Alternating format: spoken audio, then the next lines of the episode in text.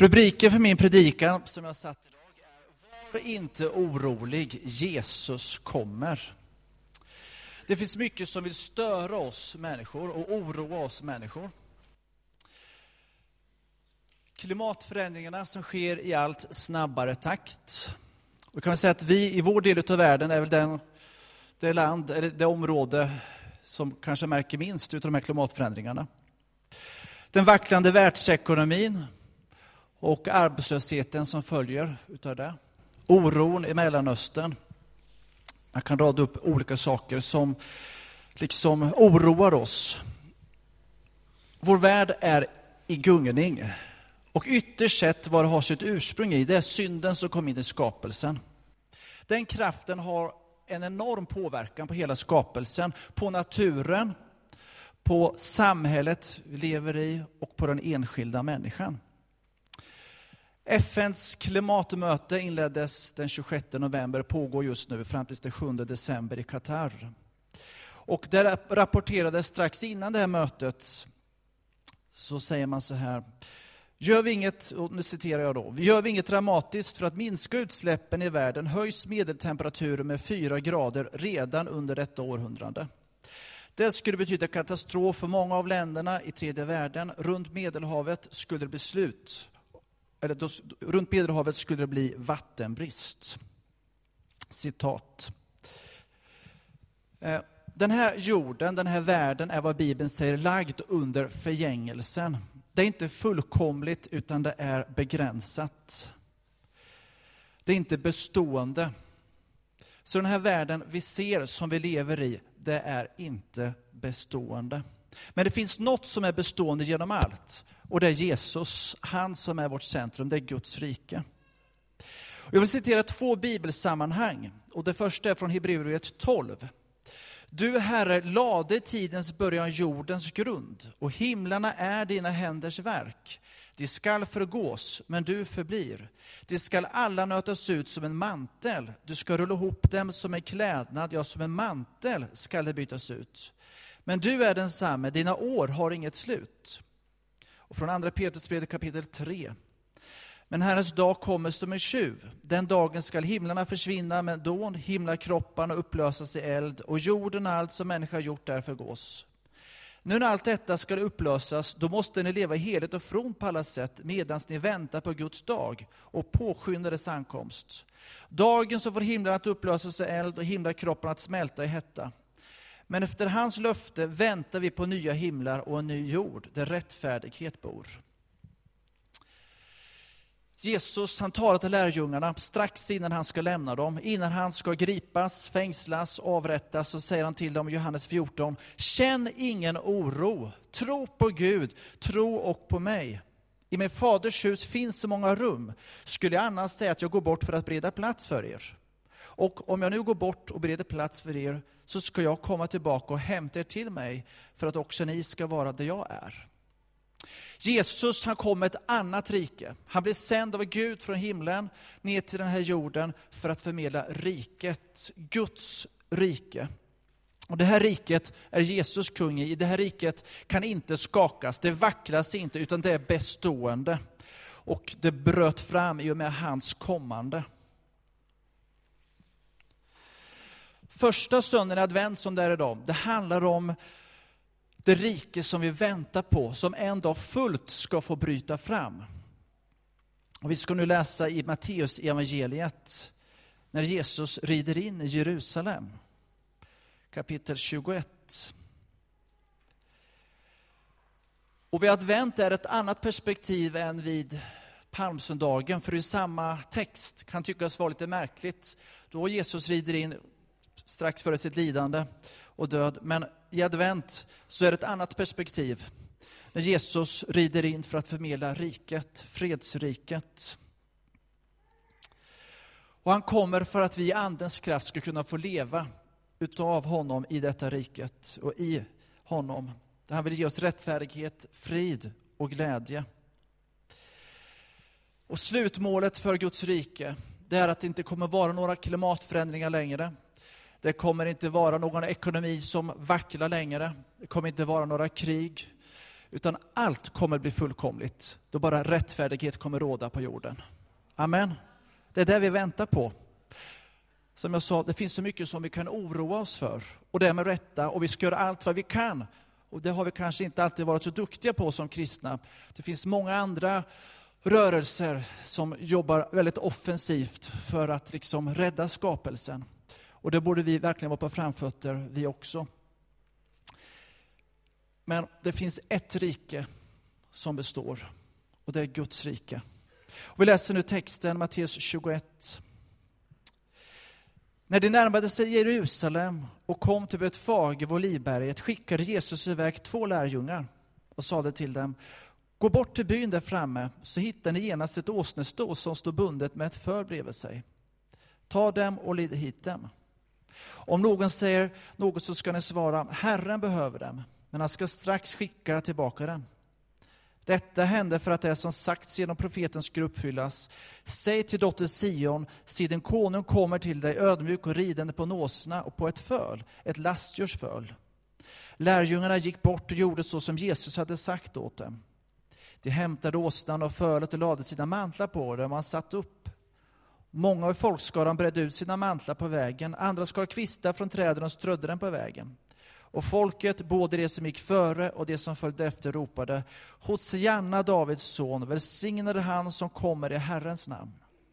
När han drog in i Jerusalem blev det stor uppståndelse i hela staden och man frågade Vem är han? Och folket svarade Det är profeten Jesus från Nasaret i Galileen. Att Jesus ville ha ett åsneför att rida på, det var inte bara för att han var trött för det var inte så där jättelång vandring han hade gått från Betania. Utan det var för att profetorden skulle uppfyllas vid det här tillfället. Men det förstod inte lärjungarna. Folket i staden var fyllda av förväntan. De hade hört och också sett om alla under som Jesus hade gjort. Och det som sker här när Jesus rider in i staden, det är alltså något profetiskt, det som sker.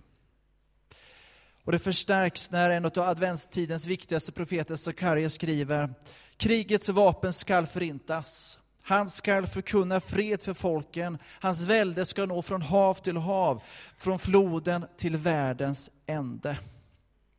Profetorden gick i uppfyllelse.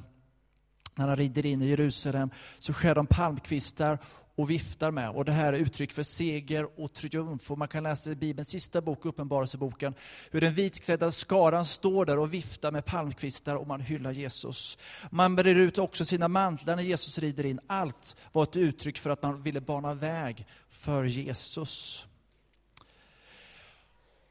Att Jesus red på den här åsnan, som jag sa alldeles nyss, det var något symboliskt. Det var en kunglig symbol att rida på en åsna in i staden som en kung. Men inte sedan kung Salomos tid hade en kung ridit in på en åsna.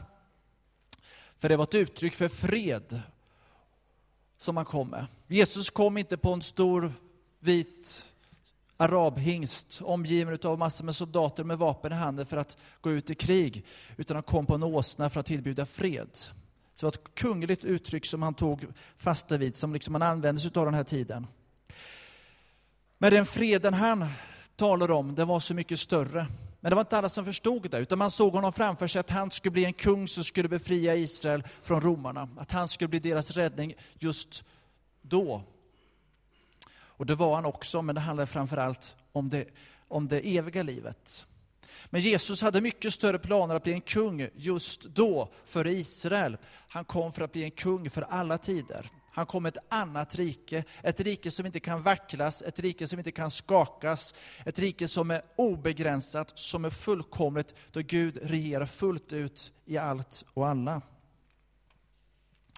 Jesus kom för att tillbjuda fred för hela mänskligheten. Över hela jorden för alla tider.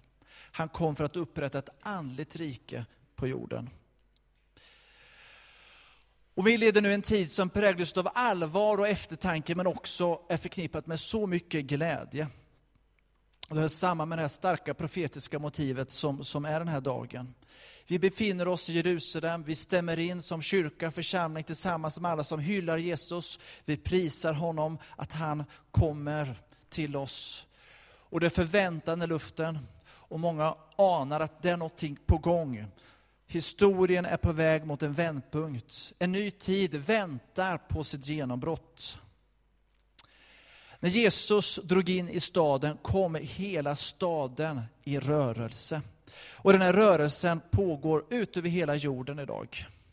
Det blev så mycket större än vad någon kunde fatta, förstå eller ana. Den skulle pågå ända tills slutet, som är början på allting egentligen. När Guds rike bryter fram helt och fullt. Jesus ska komma tillbaks ännu en gång till vår jord. Han ska komma tillbaks.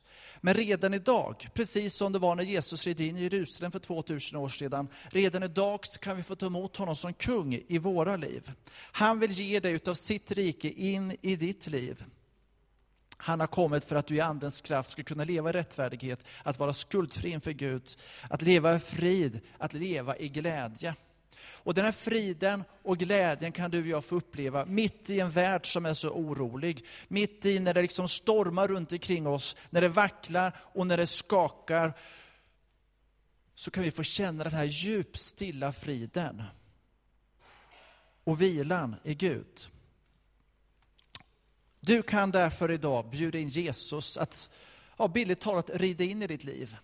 Och det är Jesus som söker oss först. I Bibelns sista bok, Uppenbarelseboken 3.20, så står det, se står vid dörren och bultar, säger Jesus. Om någon hör min röst och öppnar dörren skall jag gå in till honom och äta med honom och han med mig. Jesus söker upp oss för att han vill ha gemenskap med oss. Och kyrkan, församlingen, bjuder in människor till gemenskap, och till att möta Jesus oavsett vilken livssituation man har. Om livet är på topp, om allt är så, bara, så bra som det kan vara. Eller om man har ekonomiska bekymmer, problem med relationer, ensamhet, förkastelse, sorg, missbruk, sjukdom, kanske upplever meningslöshet och tomhet. Där finns Jesus för dig. Han sträcker ut sin hand för dig. Behoven hos oss människor finns på ett eller annat sätt. Skapelsen, människan, är lagd under förgängelsen. Den är skadad, i avsaknad av Gud. Men Gud kom den här dagen för 2000 år sedan för att berätta att det finns ett annat rike. Någonting som är bestående. Jag vill komma in i ditt liv. Jag vill komma med mitt ljus, med min frid, med min glädje in i ditt liv. Skapelsen och människan behöver upprättas. Och vi ska göra vad vi kan. Men det största hoppet för oss och för den här världen, det är att Jesus kommer tillbaka. Och för 2000 år sedan så föddes han i det här stallet. Och senare redan in i Jerusalem, ödmjuk på den här åsnan.